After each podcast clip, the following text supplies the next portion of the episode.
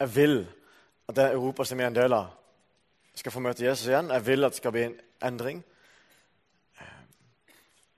Jeg vil at det skal skje noe med at vi har den holdninga med jøder. Jeg vil at det skal skje noe med at familier går i oppløsning en masse over hele Europa. Jeg vil at det skal skje noe med, med hvordan vi møter de svakeste av de svakeste flyktningene som kommer til oss og roper om hjelp. Jeg vil at det skal skje noe med abortene. Jeg vil at det skal skje en endring i vårt kontinent. Jeg har en drøm om å se et nytt Europa. Og så har jeg skjønt at hvis det skal bli et nytt Europa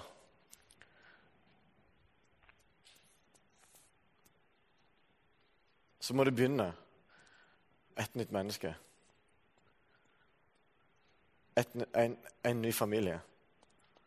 Et nytt nabolag. Jeg, jeg syns det er kjempekult å stå og snakke i store ord, sant? men jeg må begynne et sted. Eh, og så, så finnes det masse Det finnes fremdeles en god del kristne som jeg sa, en del steder i Europa. Og i Tsjekkia så er det et bitte, bitte knøttelite bibelbelte helt øst i Tsjekkia, i den blå sirkelen som dere ser. Der bor nesten halvparten av de kristne i landet. I det bitte lille området der. Der er det akkurat nesten like mange som kristne som på Sandnes. Og så kjører du 20 minutter, og så er det helt dødt. Og så Gjennom noen år har, fått, har, vi fått lov til å få kontakt med de der, unge kristne i det, i det området der. Og så har vi blitt kjent med dem, og så vet vi at de gjør masse bra. der De, de starter en ny ungdomsgruppe i nabolandsbyen, og de gjør masse bra. Og så har de snakka og snakka og snakka hver gang vi har vært der, om at vet du hva? Vi, må, vi, vi, vi, er jo mange kristne. Vi må få gjort noe. Vi må få sette i gang. Vi må, vi må gjøre noe med resten av landet vårt. Dette er jo et av de minst kristne landene. Det er kanskje det minst kristne landet i Europa. ikke vet jeg, men i hvert fall et av de minst kristne. Vi må gjøre noe. Det er jo masse masse mennesker som aldri har hørt om Jesus. Vi må, vi må sende tid, vi må plante menighet, vi må gjøre noe, har de sagt. Og når Gud sa Kristian, du og Kranne og Magnus, min sønn, flytt til Tsjekkia, så tenkte jeg OK. Så ringte jeg til han ene som jeg kjente som en god kamerat med. Vet du hva? Daniel, hør her. Er du med å flytte til, flytte til Ostrava? Til en by i Tsjekkia. Ostrava er den der kan se han liksom litt opp til venstre for den blå sirkelen. Den nærmeste store byen. Vi vil ikke langt vekk, for vi vil ha kontakt. Vi vil liksom være med og pushe og heie på de folkene der. Men vi flytta ut etter han Daniel ble med, og så kommer det etter hvert flere. Og Så går vi sammen med den eksisterende kirka. For det er masse bra i helt øst Og Så går vi sammen med de, og så dro vi til det nye stedet, og så starter vi opp der. Og Så flytta vi inn i et nabolag.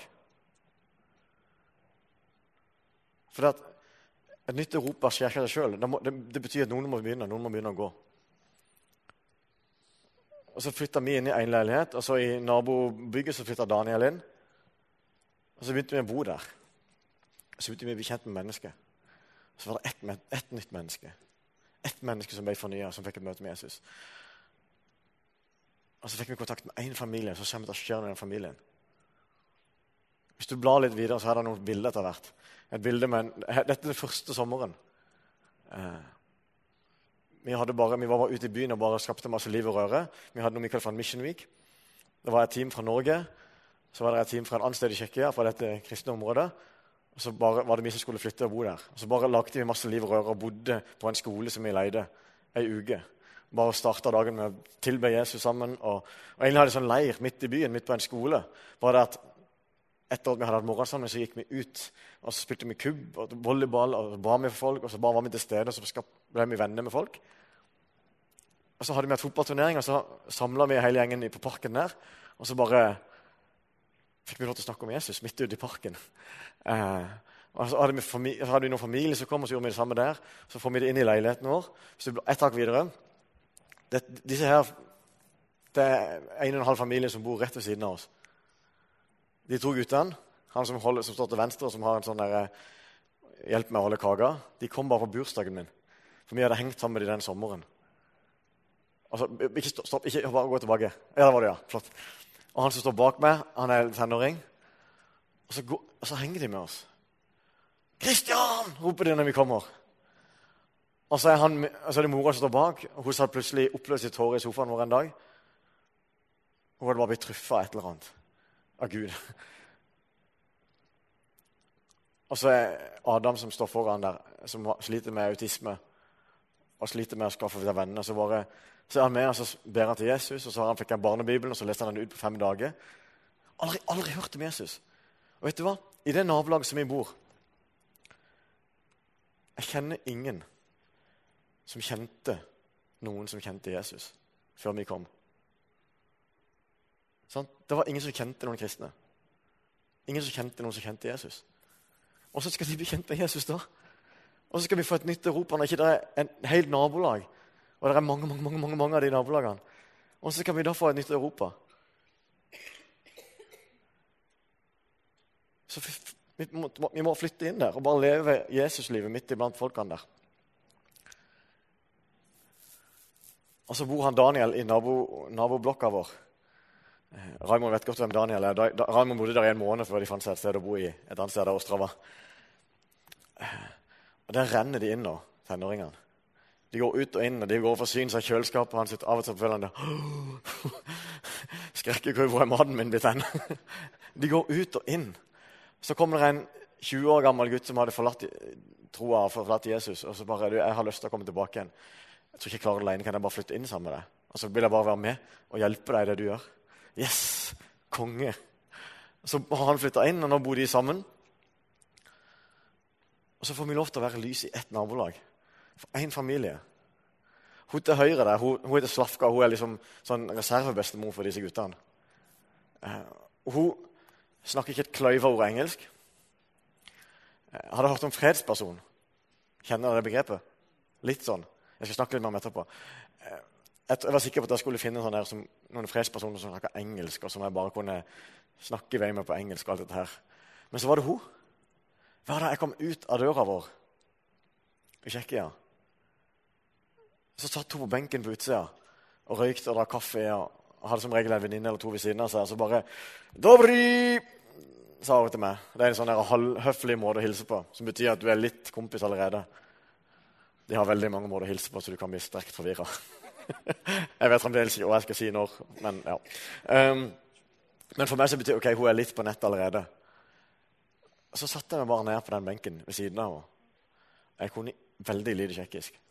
'Hallo', sa jeg. 'Jeg heter Kristian. Jeg er fra Norge.' Og Så satt vi og til hverandre i to minutter, og så gikk jeg. og Så lærte jeg ei setning til neste uke, og så satt vi der. Og Hun er ikke blitt kristen ennå. Eller hun, hun, har en tro, men hun har ikke liksom starta å følge Jesus ennå. Men, men hun er ekstremt positiv.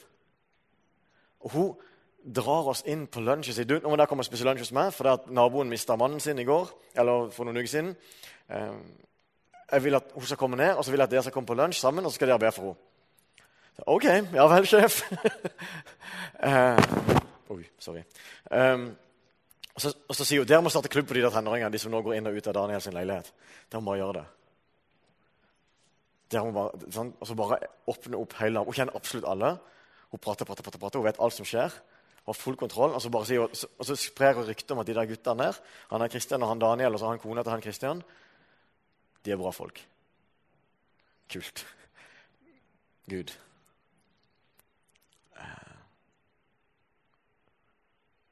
Men jeg vil at vi skal se et nytt Europa. Ett nabolag av gangen. Det er ganske mange nabolag å ta av. Det er nok for dere òg. Jeg tror at de fleste nabolag i Sandnes så tror jeg da, de fleste som bor der, kjenner noen som kjenner Jesus. Um, fantastisk det dere gjør som menighet. Jeg skal, jeg skal snakke litt om hvordan, hvordan, hvordan vi kan ja, vinne mennesker i Sandnes og i Tsjekkia og rundt forbi. Men eh, før jeg bare fortsetter, så bare har jeg lyst til å si at det, dere trengs. Det er ikke så mange steder som har så mange kristne som Sandnes i dette kontinentet her.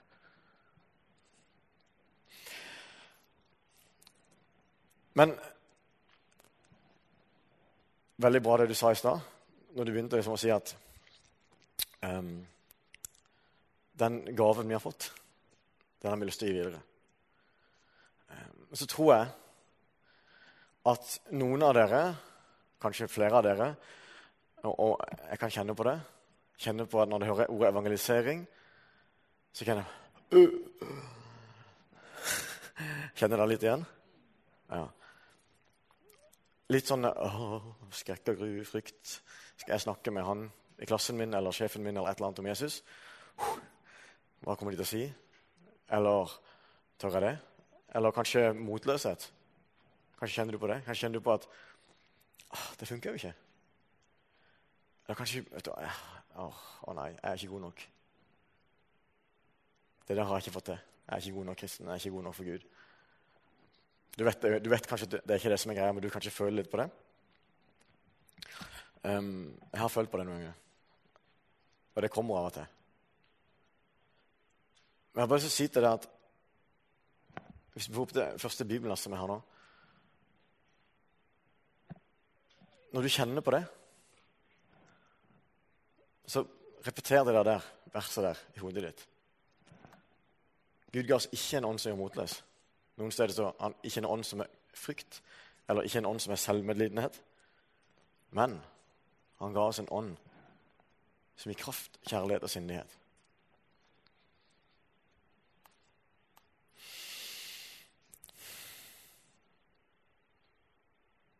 Ta du neste vers.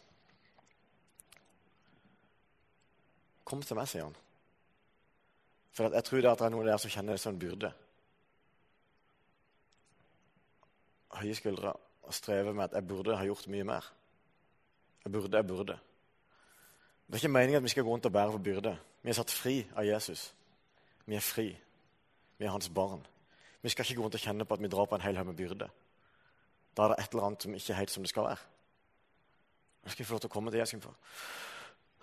Vet du hva? Jeg legger de der tenkte følelsene på deg, på ditt kors. Og så tar jeg på det åket som du vil gi meg det som er godt. Det vil jeg gå med.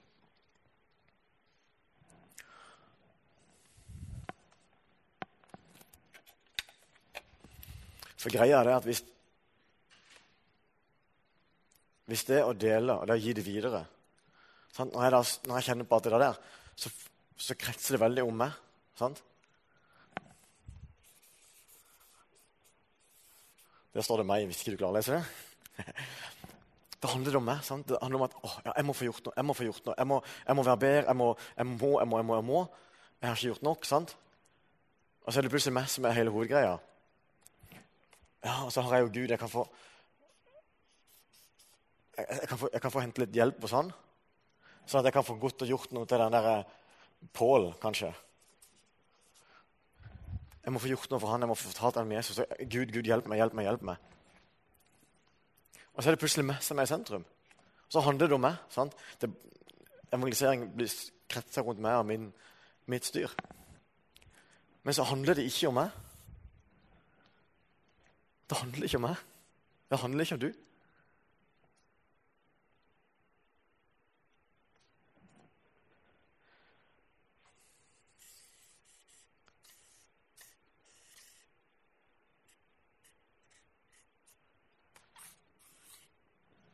Det handler om at den kontakten mellom Gud og Pål den eksisterer ikke lenger. Den er ødelagt. Så handler det om at Gud han lengter. Han vil at alle skal bli frelst. Han vil, han vil at Pål skal bli frelst. Han som er din kollega eller din klassekamerat eller din fetter eller et eller annet. Din nabo. Han vil at Pål skal bli frelst. Han lengter etter å få kontakt med han. Sant? Det er det Bibelen sier. Så høyt elsker Gud og elsker Gud. Hvert eneste menneske. Det handler om han og hans initiativ.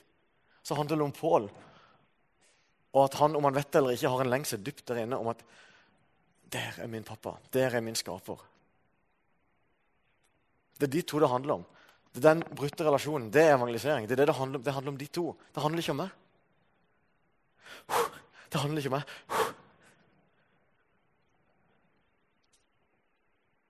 Men jeg er en del av det. For greia er at jeg har en relasjon til Gud, og jeg har en relasjon til Pål.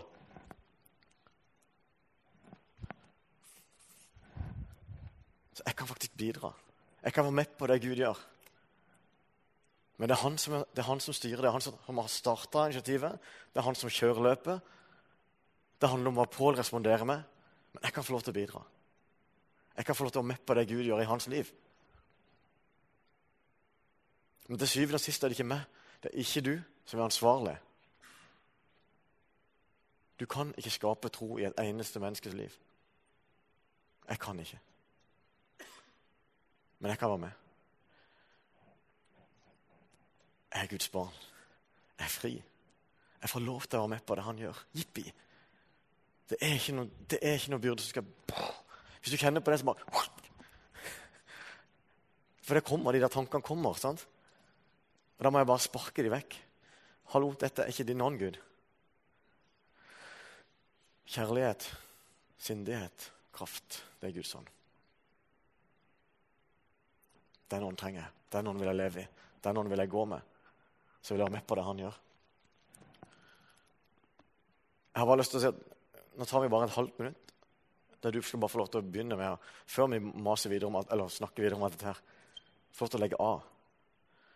Og si 'Jesus, dette er det jeg har gått rundt og båret på.' Skam, skyld, ikke god nok, frykt, whatever. Jeg legger det på ditt kors. Jeg vil ha din ånd. At din ånd skal gjøre òg på dette området i mitt liv. Du har et halvt minutt å bare slenge det til han.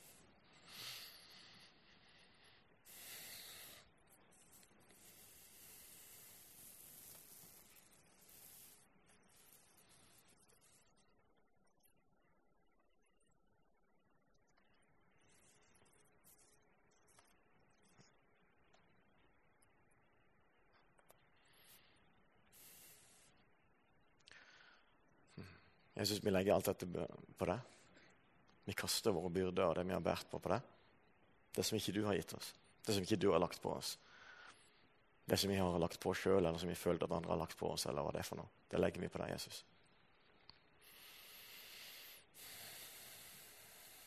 Så tar vi imot din ånd. Så ber vi om at våre liv og denne samlinga her skal bære den frukten at mange mange, mange, mange mennesker får lov til å komme hjem til deg. At mange mange kan få lov til å bli kjent med deg. Vi takker deg for at vi skal få lov til å være med på det fantastiske du gjør.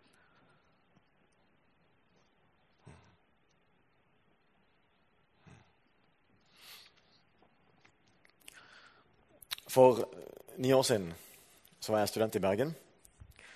Leder cellegruppe i en menighet som heter Nordkirka. Og så hadde jeg akkurat begynt å skjønne at Gud han ville ikke at jeg skulle reise til Afrika, der som jeg trodde jeg skulle. Jeg, hadde, jeg, var, liksom, jeg var, all up for misjonstilværelsen i Afrika. Og var så skuffa når Gud sa du skal til Europa. Han måtte liksom jobbe litt i hodet mitt. og så, ok, så ble jeg kjempegira på det, og så var jeg klar. Og da var jeg skikkelig klar. Da var det liksom ok, nå skal vi finne Europa. Og jeg var full gang og reiste på tur til Slovakia og Tsjekkia og lånte pappa sin bil. og var liksom, Der var mitt fokus. Eh, noen de som vet at, kjenner meg, vet at når jeg først er i gang med et eller annet, så er det liksom det ene som gjelder, og så ser jeg ikke så mye annet som skjer rundt meg. Eh, min kone kan bli ganske frustrert på det av og til. Um, så fikk jeg en tekstmelding, for det var, da kom det en ny jente, to nye jenter i cellegruppa mi den høsten. Og Jeg hadde jo registrert at dette var bra jente, eh, men jeg hadde ikke ensa så mye mer enn det. For jeg var veldig fokusert. Um, så fikk jeg tekstmelding fra hun ene jenta som heter Karianne. Skal du, Kristian, eh, det er noe jeg gjerne vil snakke med deg om. Kan du komme over en tur? Jeg bare, ja da, Vi kan snakke om cellegruppe. Kjempebra. Jeg sykler over og er fornøyd. og så skal vi snakke om cellegruppe. Og, og Hun lukka opp døra, og jeg skjønte jo ganske fort at det var mer enn snakk om cellegruppe. Hun var jo li, rimelig shaken og litt svett og liksom stressa, mildt sagt. Og bare 'Kan vi gå en tur?' kan vi gå en tur? Jeg bare 'Ja da, vi kan gå en tur'. Eh, ja. Du, um, Kristian, um, det at uh, jeg er bitte lite, bitte lite grann uh, Jeg, jeg syns du er ganske bra. Et eller annet sånt. Jeg husker ikke akkurat hva hun sa. Hun sa det ganske forsiktig, men hele kroppsspråket bare er dødsforelska. Og jeg bare Oi! Den som ikke kommer. Um, jeg var sant, jeg var liksom Det var bare misjon som gjaldt akkurat der og da. Så jeg hadde ikke ensa at Anten at dette var jo ei bra jente. Um, hun er ganske tøff. Hun er veldig tøff. Hun turte å si det. Og så, så, tror jeg det slo meg et eller annet visdom akkurat der og da som sa noe sånn som at ja, um, jeg vet jo at du er ei skikkelig bra jente. Vi hadde bare kjent hverandre i halvannen måned. Du, kanskje vi kan, kan, ikke vi bare bruke litt tid sammen og så bli litt bedre kjent? Og så ser vi hva som skjer. Så gjorde vi det. Vi gikk på tur, og vi, eh, vi skulle på bingo igjen, husker jeg. Det, så fant vi aldri bingoen. Der var vi slakt ned og noen greier. og det var kanskje litt greit. Um, og vi gjorde liksom ting. Og så, så, var det så spesielt rart at, at uh, når jeg var sammen med henne, så stressa jeg ikke. Tidligere med jenter så hadde jeg vært veldig sånn der, oi, jeg må prøve å være et eller annet som de vil at jeg skal være. for at de skal like meg. Men med Krønne så var jeg bare helt meg sjøl og slapp det helt av. Og det var bare deilig å være sammen med henne. Og vi hadde det bare bra sammen. Og Jeg visste at hun var glad i Jesus, og jeg visste at hun var glad i andre land. og Det er jo bare helt fantastisk. Men så hadde jeg ikke noen følelse. Og jeg var sånn Gud, hva er dette for noe? Dette er jo den perfekte dama som har kommet seilende inn. og så bare, Hvor er alle følelsene mine?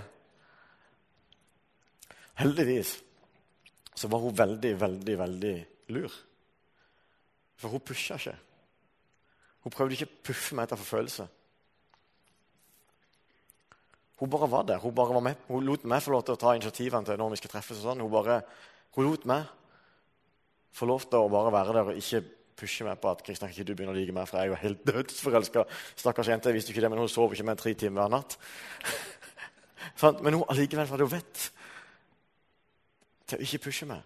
Til å ikke spørre ja, følger du noe i dag, da? Hun lot det bare ligge. Hun bare var der. Og etter en måned eller halvannen, halvanne, kanskje, så hadde hun invitert, eller jeg hadde invitert meg sjøl over sikkert, eller et eller annet. Eh, vi hadde ikke truffet så mange ganger, men vi hadde truffet noen. Ja. Og så ville hun vise meg noen bilder fra det ettåring i Bolivia. Og så var hun lurt på en annen måte at hun fyrte opp absolutt alle stearinlys som var å finne i hele den kilometers omkrets, tror jeg. Så det var jo hele rommet hennes var jo bare on fire. Um, og så satte vi oss ned, og liksom, hun satte litt, sånn, litt inntil meg, og så viste hun bildet. Og så bare Wow. Og så snudde jeg meg til henne og sa du, jeg lurer på om jeg òg begynner å bli litt forelska. Skal vi gjøre sånn? Jeg sa ikke skal vi gjøre sammen med meg men det, sa jeg kvelden etterpå. Um, for da visste jeg jo bare OK, this is it. Um,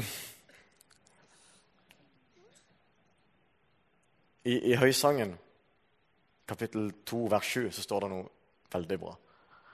Høysangen er jo en sånn bok som eh, noen mener at det handler om at det er en sånn kjærlighetsgreie mellom en mann og en kvinne. og Noen mener at det er mellom Gud og, og oss. Og jeg tenker at det kan jo være begge deler. Ganske enkelt og greit. Jeg ber dere, Jerusalems døtre, ved gasellene eller ved hindrene på marken, uro ikke kjærligheten. Vekk den ikke før deg selv vil. Hun, hadde, hun, vekka ikke den, hun, vekka ikke, hun prøvde ikke å pushe meg. Så tror jeg det er sånn mellom Gud og meg òg. Jeg kan ikke pushe noen til å bli kristen. Jeg kan ikke gjøre noen, jeg kan ikke få noen til å tro. Det bare kommer. Når jeg var 21,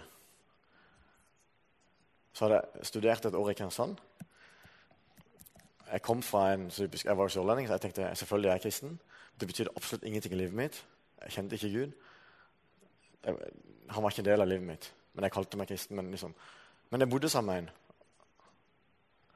og han fulgte Jesus. Og Vi kom fra, et, en, fra Vigeland, som er et stykke fra Kristiansand. Og Vi tok stadig bussen sammen dertil. Og vi snakka.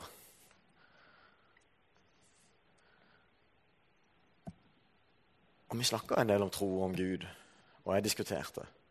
Jeg hadde masse meninger om hvorfor den ikke trengte å lese Bibelen, og hvorfor den ikke trengte å være med i menighet, og hvorfor det var greit med ditt og greit med datt. og Og han hadde, ikke, han hadde ikke behov for å vinne de der diskusjonene. Han bare var der. Så bodde han ved siden av meg i rommet, så visste jeg at han leste Bibelen. Og jeg så jo at det var et eller annet i han, sant? Han bare var der. Han bare sådde litt.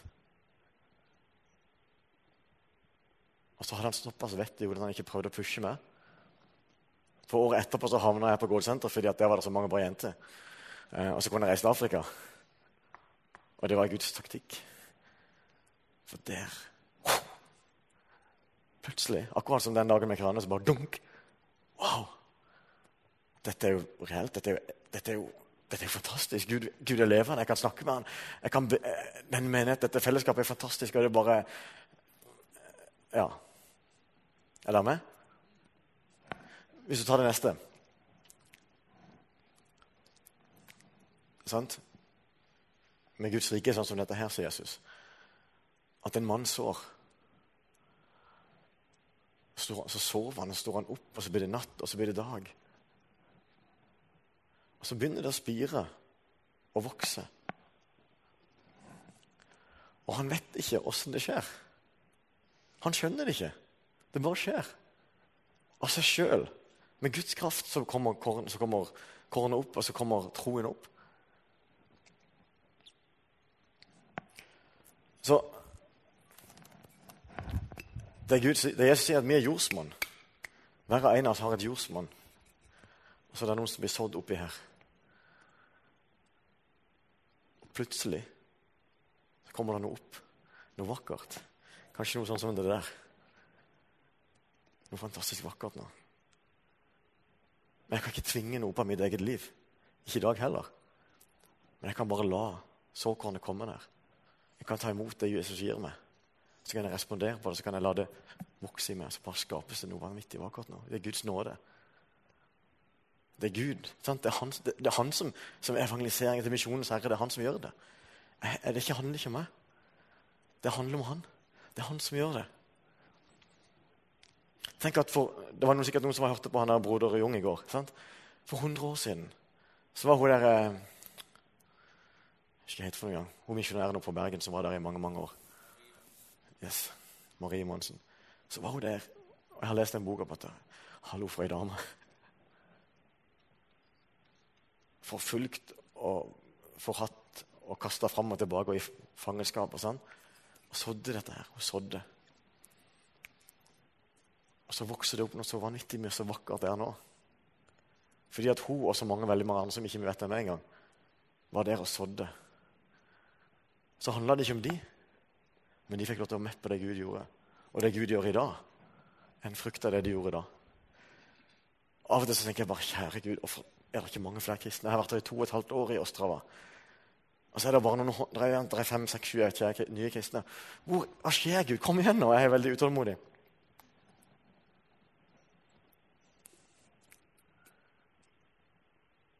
Jeg får lov til å være med og så noe.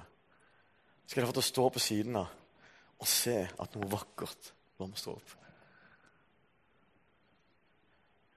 At noe vakkert blomstrer opp i et menneskes liv. Et nytt liv spirer og gror.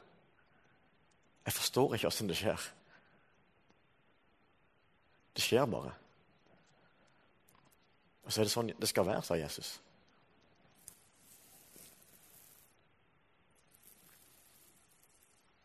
Takk og lov at ikke det handler om meg. Takk og lov. Men takk og lov at jeg får lov til å være det Gud gjør.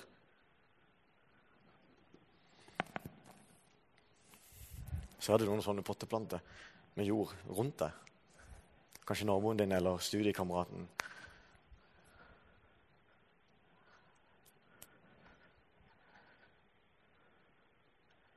Vi må bare lære oss at vi må så. Det er vår oppgave å så. Vi har én oppgave, Gud har én oppgave.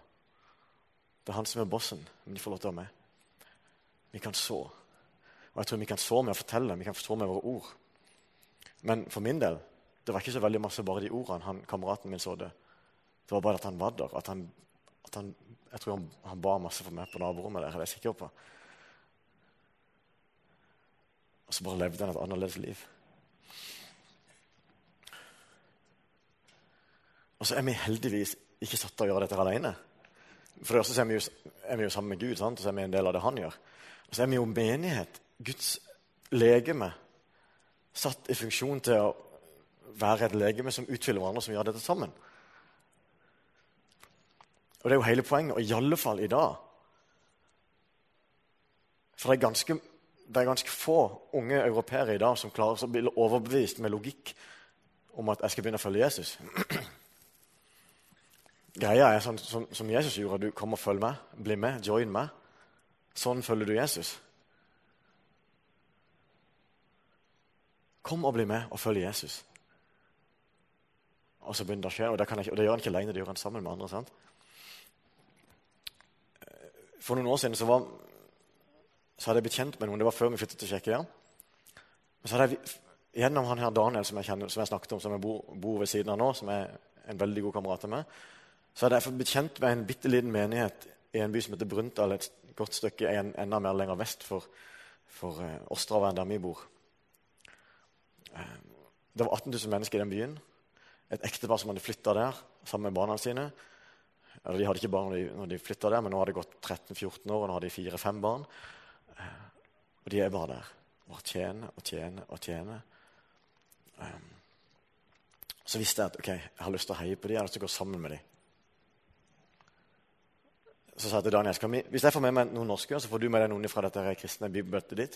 Så bare dra med der, så er vi bare der ei uke. Så bor vi sammen med den lille gjengen der.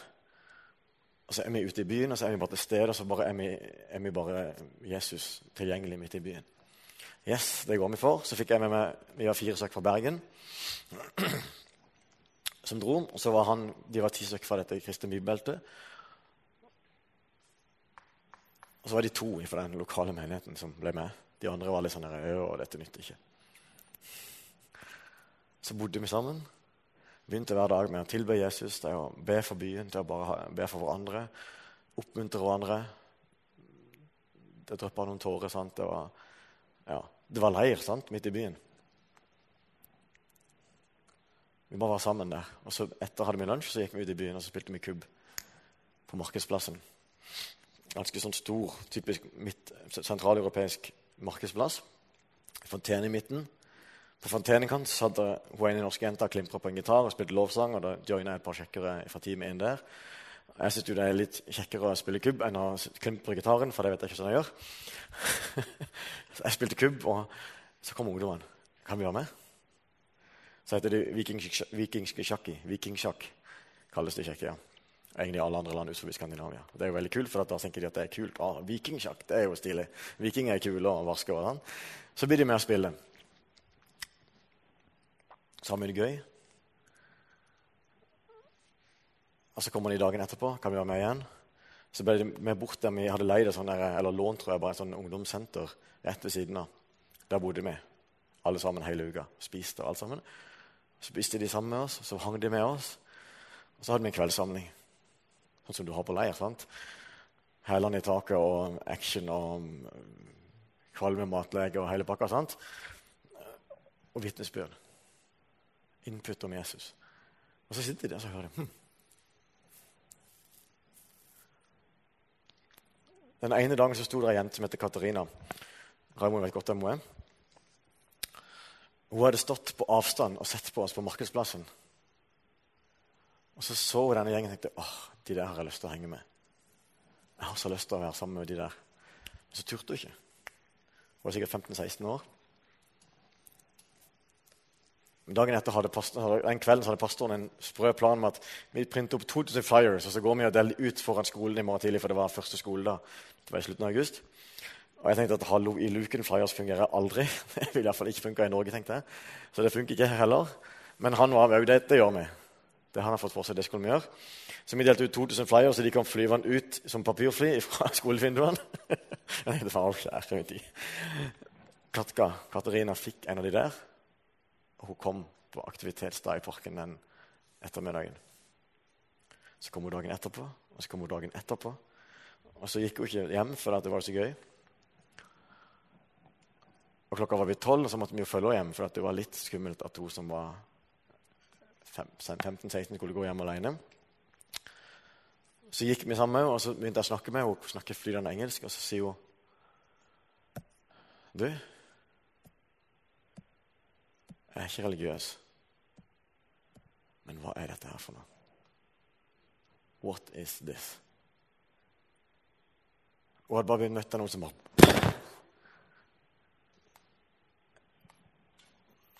Hva er dette? Det var jo et kirkebygg i byen der Så hun visste jo at det var noe som het kirke, men hun hadde jo ikke peiling på hva det var for noe. Hun skjønte jo ikke at det var kirke hun hadde møtt nå heller, at det var den levende Guds menighet, Guds familie hun hadde møtt. Men hun hadde møtt noe som var helt fantastisk, som var helt annerledes.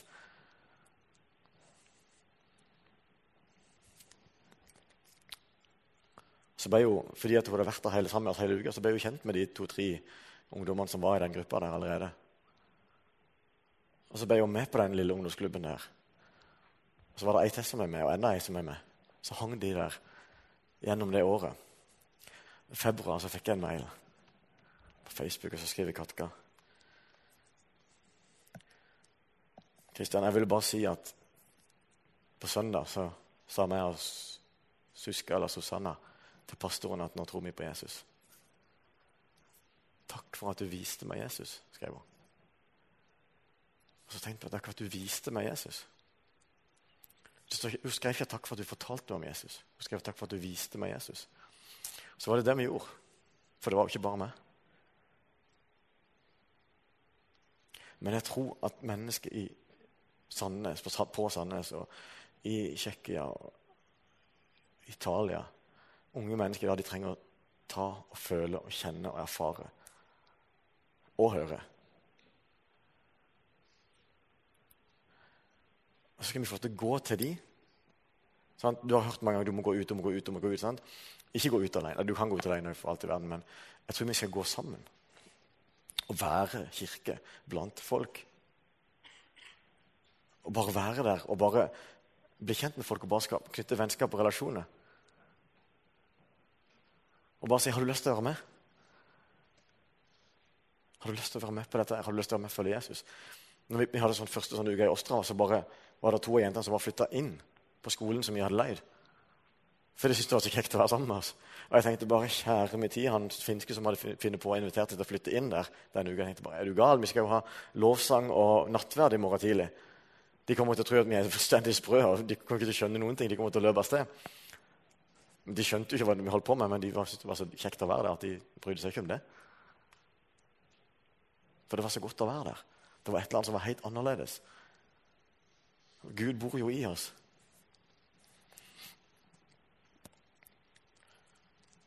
Hvordan ville det sett ut i Sandnes om noen gjorde noe sånt? Et eller annet, Jeg har ikke peiling. Et eller annet sånt, Bare gå og være der folk er? Jeg tror at 95% av dere tenker å, hallo, jeg har ikke peiling. Skulle vi gjort det? Så tror jeg det er 5% som bare ja, jeg har en idé. Og så er greia at sånn at Gud, Gud, har sagt at Var det ikke et eller annet Efeseren 4 her? Han har at han har gitt oss forskjellige gaver sant? for at legemet skal bygges opp. Sant? Og skal legemet bygges opp, så er det forskjellige ting, men blant annet så må det bety at folk skal bli lagt til. At legemet, legemet Guds kirke blir større. Og da har vi fått forskjellige gaver for at legemet skal bygges opp. Og Hvis du er de 5% som tenker at jeg vet hvordan vi gjør dette her, eller jeg har lyst til å gå og gjøre dette i Indre Sogn eller et eller annet sted. Sant? eller i Sibir eller i Tsjekkia. Få med meg en gjeng. Sant? Jeg har en idé, jeg har noen tanker som vi kan bare skape litt liv og røre. og bare, sant? Hvis du hører at det er noen som har sånn, så hiv deg på. Hei på dem. Ikke tenk at du er dum for du har en ny idé. Jeg, har en ny idé nesten hver eneste dag, og det kan være litt slitsomt for min kone. Og heldigvis så kan hun hjelpe meg å sile ut hva som er lurt og ikke lurt. Av og til så går det litt på skeisa, men så funker det faktisk av og til Og så blir det bra. Og når jeg vokste opp og var i min tenåringsgjeng på Vigeland Hver fredagskveld og hver lørdagskveld så var det meg som arrangerte. Vi var 30 stykk, cirka. Det var meg som fikk alt til å skje. Jeg ringte dit og dit og datt, og mamma de hadde en telefonregning som var der oppe, fordi jeg snakka med alle sammen og fikk organisert og bare satt ting i gang. og bare, nå gjør vi det og det og det og det. Og når kvelden kom Jeg hadde ikke bil. Alle andre begynte å kjøre bil. sant? De sørga for å transportere, og, og folk sørga for å lage mat og fikse det og kjøpe inn og passe på at vi fikk leid en film. Og kokt kaffe. Jeg har ikke peiling fremdeles, vet jeg ikke hvordan du koker kaffe. Sant? Jeg kunne gjøre min del. Jeg kunne bare få ting til å skje. Og så begynte folk å gjøre sitt eget. sant? Jeg elsker å treffe nye mennesker. Så når vi er på sånn mission så løper jeg rundt og skal jeg snakke med alle hele tida. Raymond smiler. Um, Og så snakker jeg med den. der. hei, du, hei, Kristian. Hyggelig. Blablabla. Liker du fotball? Blablabla. Eh, To minutter gått. Der var det en som ikke følte seg helt velkommen. 'Hallo, du.' Og så var jo ikke han som jeg snakket med først, han var jo ikke helt ferdig med at han følte seg ikke helt velkommen ennå. Og sett og sånt. Men så løper jeg fra han, og så bare OK. Så har jeg lært det. At Gud har gitt meg en fantastisk kone. Hun elsker å snakke med mennesker to og tre og fire timer. Og jeg blir jo helt svett av å tenke på det. Men så tenkte jeg Du, um, du um, Pål var det, ja. Du, dette er kona mi. Hun er fantastisk bra. Du må snakke litt med henne. Hun er sånn tanngreier, så hun elsker tenner. og du, Hvis du har et eller annet om tennene, så må du snakke med henne. bare snakke. Vi er forskjellige. Hun er ikke en evangelist som elsker hun kan fikse det av og til, men hun er ikke den som elsker å løpe rundt til de nye menneskene. sant? Og Hun har ikke de, alle de der sprø ideene. Men uten henne så funker jo ikke jeg. Og Hvis ikke du er evangelist og tenker bare vi er helt svett på dette, tenker du bare, ja, vet du hva? Hvis det bare er evangelister, så kommer det aldri til å bli noe gang på dette her.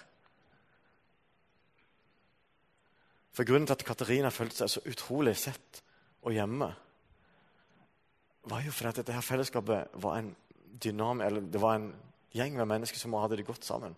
Som ba for hverandre, og som turte å være ærlige med livet. Og som hadde Jesus med seg. Og som var forskjellige, og som var gode til å utfylle hverandre på et eller annet mirakuløst vis. På tvers av språk og alder og alt sånt. Det var det som slo henne i trynet. Så det er det jeg trenger for å vinne denne byen enda mer for Jesus. Har sett i gang de der, der og så bare henger det på dem. Og prøve ut, Det kommer til å gå litt på trynet av. Det kommer, noen av disse ideene kommer til ikke til å funke. Men la de få lov til å komme med noen ideer om hvordan vi kan bare skape et eller annet som skjer. Så vi bare kan henge sammen med folk og bare la de få lov til å være en del av det vi holder på med. Og få lov til å kjenne og erfare at Jesus er levende. Og høre.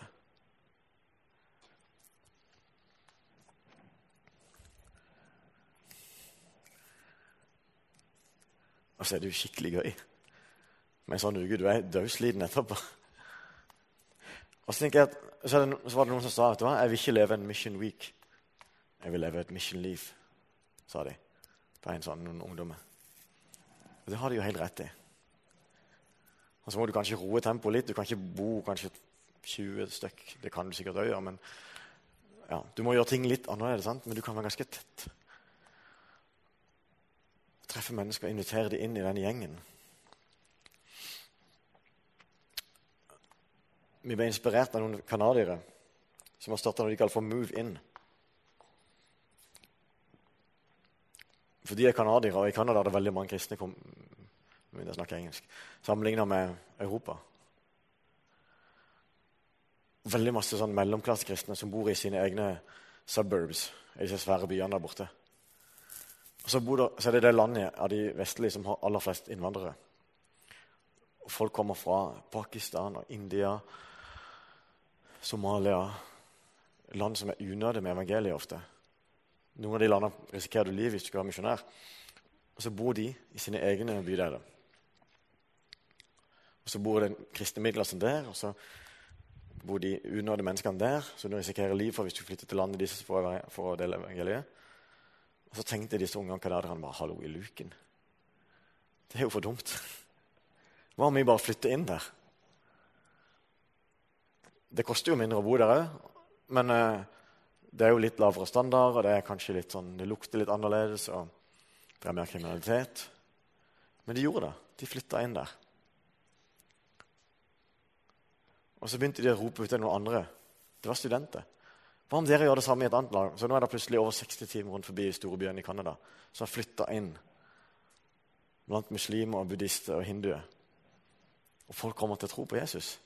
Og de har en veldig enkel vi, bare, vi skal bo veldig tett. Et team på en fire, fem, seks, sju, åtte stykk. Vi bor veldig tett. Nærme hverandre i ett nabolag. Og så møtes vi, så, opp, så ser vi på oss sjøl som sendt til dette nabolaget. Vi opplever at vi skal representere Jesus der. Paulus sa at vi er Jesu utsending, Jesu ambassadører. Vi er satt til å representere han der vi er. Og de tar det på alvor. Vi representerer Jesus i dette nabolaget. Og så møtes de en gang i uka for å be for hverandre og for nabolaget. Det er det, det er det, de forplikter seg for. Og Så skjer det selvfølgelig masse liv innimellom, men de har ikke noe masse sånne programmer. og sånt. De bare lever livet, Jesus-livet mellom alle disse folkene. Så blir folk frelst. Så tenkte vi, ja, hm. Det kan vi gjøre i Åstra òg, tenkte vi. Og så hadde vi egentlig begynt å gjøre det nesten det samme allerede. For meg, og familien min og han Daniel vi bodde jo allerede rett ved siden av hverandre.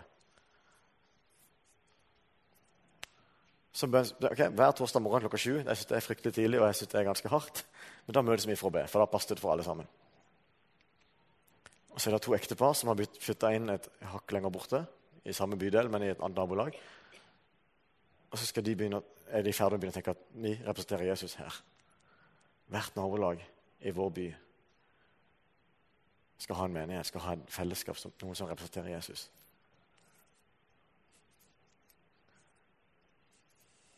Det går an å gjøre på Sandnes òg. I Sandnes. Det går an for deg å gjøre å flytte til Bodø eller Hamar eller Longyearbyen. Å studere eller jobbe. Du trenger ikke være teologi heter det for noe, kan mange eller et eller annet sånt. X max mux. Du trenger bare å tro på Jesus og følge han og være en gjeng som gjør det sammen. For Jesus har to og to. I alle fall to og to. sant? Hvor skulle det vært? Så kan du bare leve Jesuslivet der. Så går du jo på jobb, sant? og så, så treffer du kollegaer som, tror på, som du kan få lov til å dele Jesus med. Men bare dette nabolaget her her skal noen bo som kjenner Jesus. Og vi skal representere Jesus. Og det er så viktig at Vi bare, bare tenker, jeg tror ikke, sant? Vi skal ikke streve og stresse, men at vi bare tar inn over oss sjøl at dette er vår identitet. Jeg, jeg, representerer Jesus. Jeg er satt til å representere han på min arbeidsplass, på min studiested.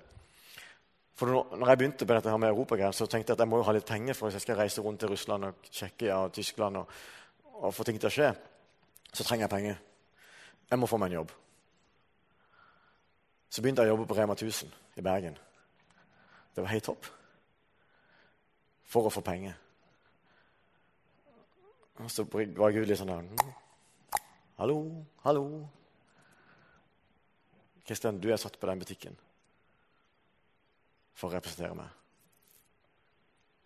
Jeg ble så opptatt av kirke og misjon og all den der bevegelsen og de store visjonene at jeg glemte helt vekk at Rema 1000 i Bergen er jo faktisk en del av Europa. Var, jeg var alene kristen på det arbeidsstedet. Og så opplever jeg at selv om jeg Det var syke ting som skjedde. Sant? de aller fleste så bare var det kjekt når vi var gode venner og vi hadde det bra. Men én av mine kolleger var en sånn fredsperson, en sånn som bare kom til meg med sine problemer. Hvis du kjenner noen som kommer til deg med sine problemer, og bare øser ut sykdom eller eh, kjærlighetssorg eller et eller annet Det er en grunn til at det kommer til du. Og det er at Jesus bor i ditt hjerte. Som de fleste vet det sikkert ikke. Men jeg er overbevist om at de, annet, de ser et eller annet i det som gjør at de tenker åh, jeg vil til Gud og mine problemer. Jeg vil kaste det på Jesus. Men de skjønner det kanskje ikke. men det, det, er noe som trekker de, som gjør at de kommer til akkurat det.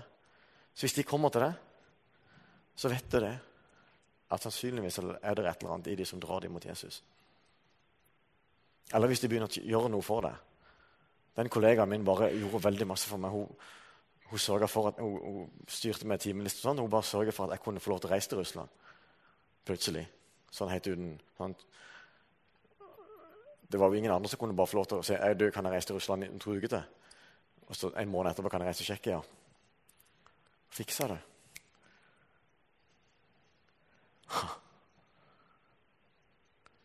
Og så er det en lang historie om hvordan eh, Gud åpna døra to ganger for meg, og jeg pingla ut. Jeg turte ikke hoppe og ta den derre Til slutt så bare fikk jeg sånn derre beskjed gjennom et annet menneske at nå går du og ber for din kollega.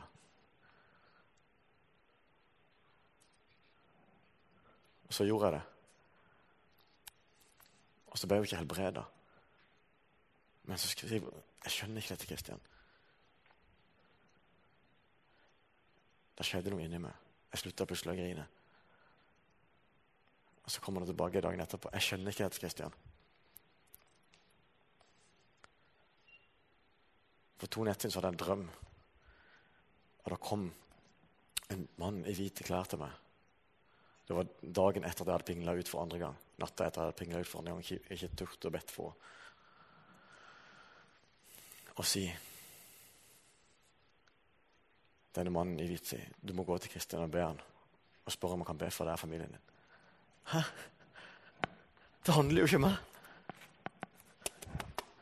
Det handler om han som lengter så innmari mye etter å få kontakt med den kollegaen min. At når jeg to ganger pingler ut, så går han bare direkte på og møter og Jeg vet ikke om det var en engel eller det var Jesus sjøl, eller hva det var, men Gud sendte noen for å si 'hallo'. Bare gå til han, du, da. Så gjorde ikke hun heller det. og så Til slutt så fikk jeg enda et budskap, og så bare skjedde det. Han gir aldri opp. Jesus gir ikke opp en eneste, eneste en. Sånn? Ditt er ni og én. Han leide, han leide, han leide. Og så får vi lov til å med på det. Du er satt til å representere han på ditt studiested, på din arbeidsplass. Jeg var alene, så jeg bare sa til en kamerat du, jeg kjenner ingen andre kristne her. Det er ikke noen andre. Kan vi bare møtes? For han hadde lignende situasjon. Så må vi møtes med en gang i så bare ber vi for våre arbeidsplasser for hverandre. og så bekjenner vi synd for hverandre. Så. Og da begynte ting å skje når vi begynte å be.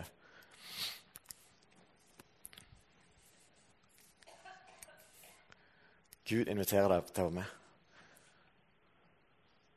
Det er ingen pushing. Senk skuldrene. Det handler ikke om det. Det handler om det er han, om den personen, om de personene. Og så handler det om en menighet, et fellesskap, et legeme som gjør dette sammen. Som utfyller hverandre.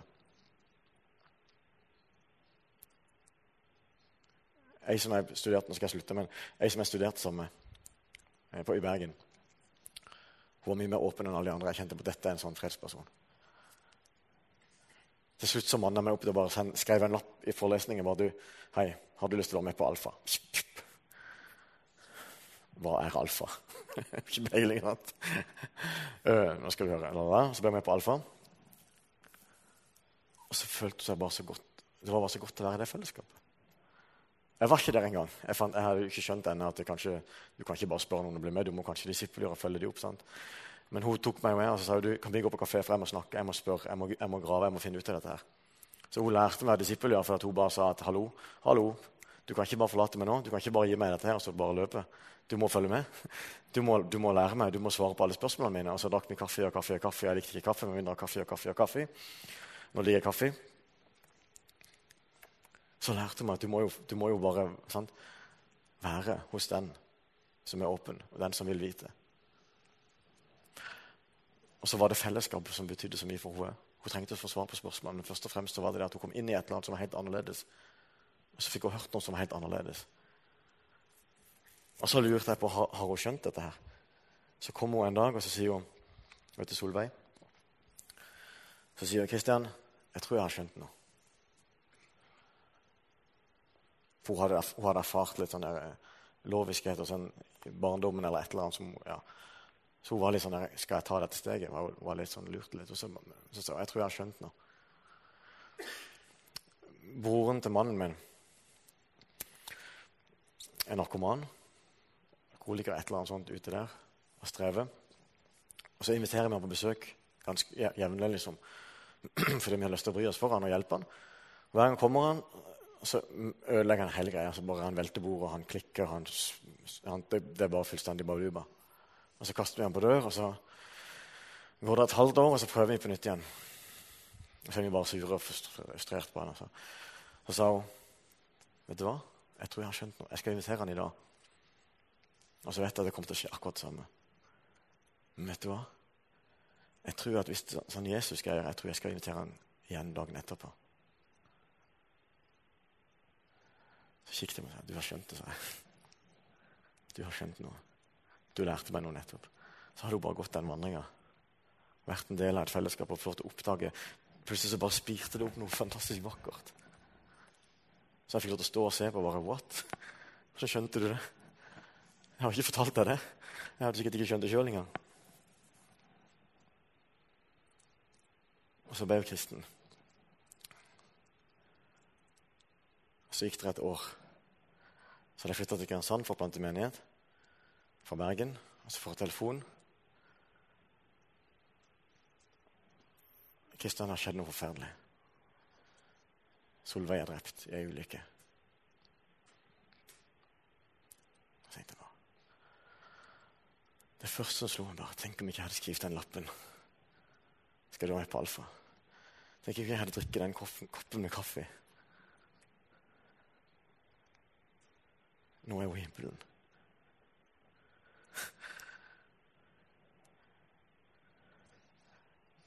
Det handler jo om Gud og Solveig. Så kom jeg deisende inn og visste ikke helt alt på meg. Jeg var litt nervøs og klumsete. Så fikk jeg lov til å meppe det han gjorde. Så fikk jeg lov til å være i den begravelsen. Ingen hos venner eller familie trodde på Jesus. Det var det mørkeste, tristeste, forferdeligste jeg har vært med på. Og så satt jeg der og visste at det er håp. Og de hadde ikke peiling. Så sto jeg oppe i begravelsen på den sånn minnesamling og sa vet du hva? Solveig leste ei bok, den Jesus jeg aldri kjente. Og sånn var det for henne. Men hun ble kjent med han. Og nå er Solveig i himmelen.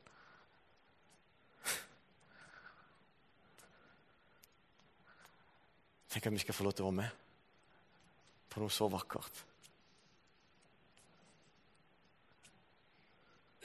Skal vi gjøre det sammen? For vi trenger hverandre, for vi er forskjellige, og vi er gode på forskjellige ting. Og vi trenger først og fremst å være et fellesskap som gjør at folk får erfare og kjenne hvem Jesus er. Og høre. Og så handler det ikke om oss. Vi skal få til å senke skuldrene. Jeg skal få lov til å være med på det pappa gjør.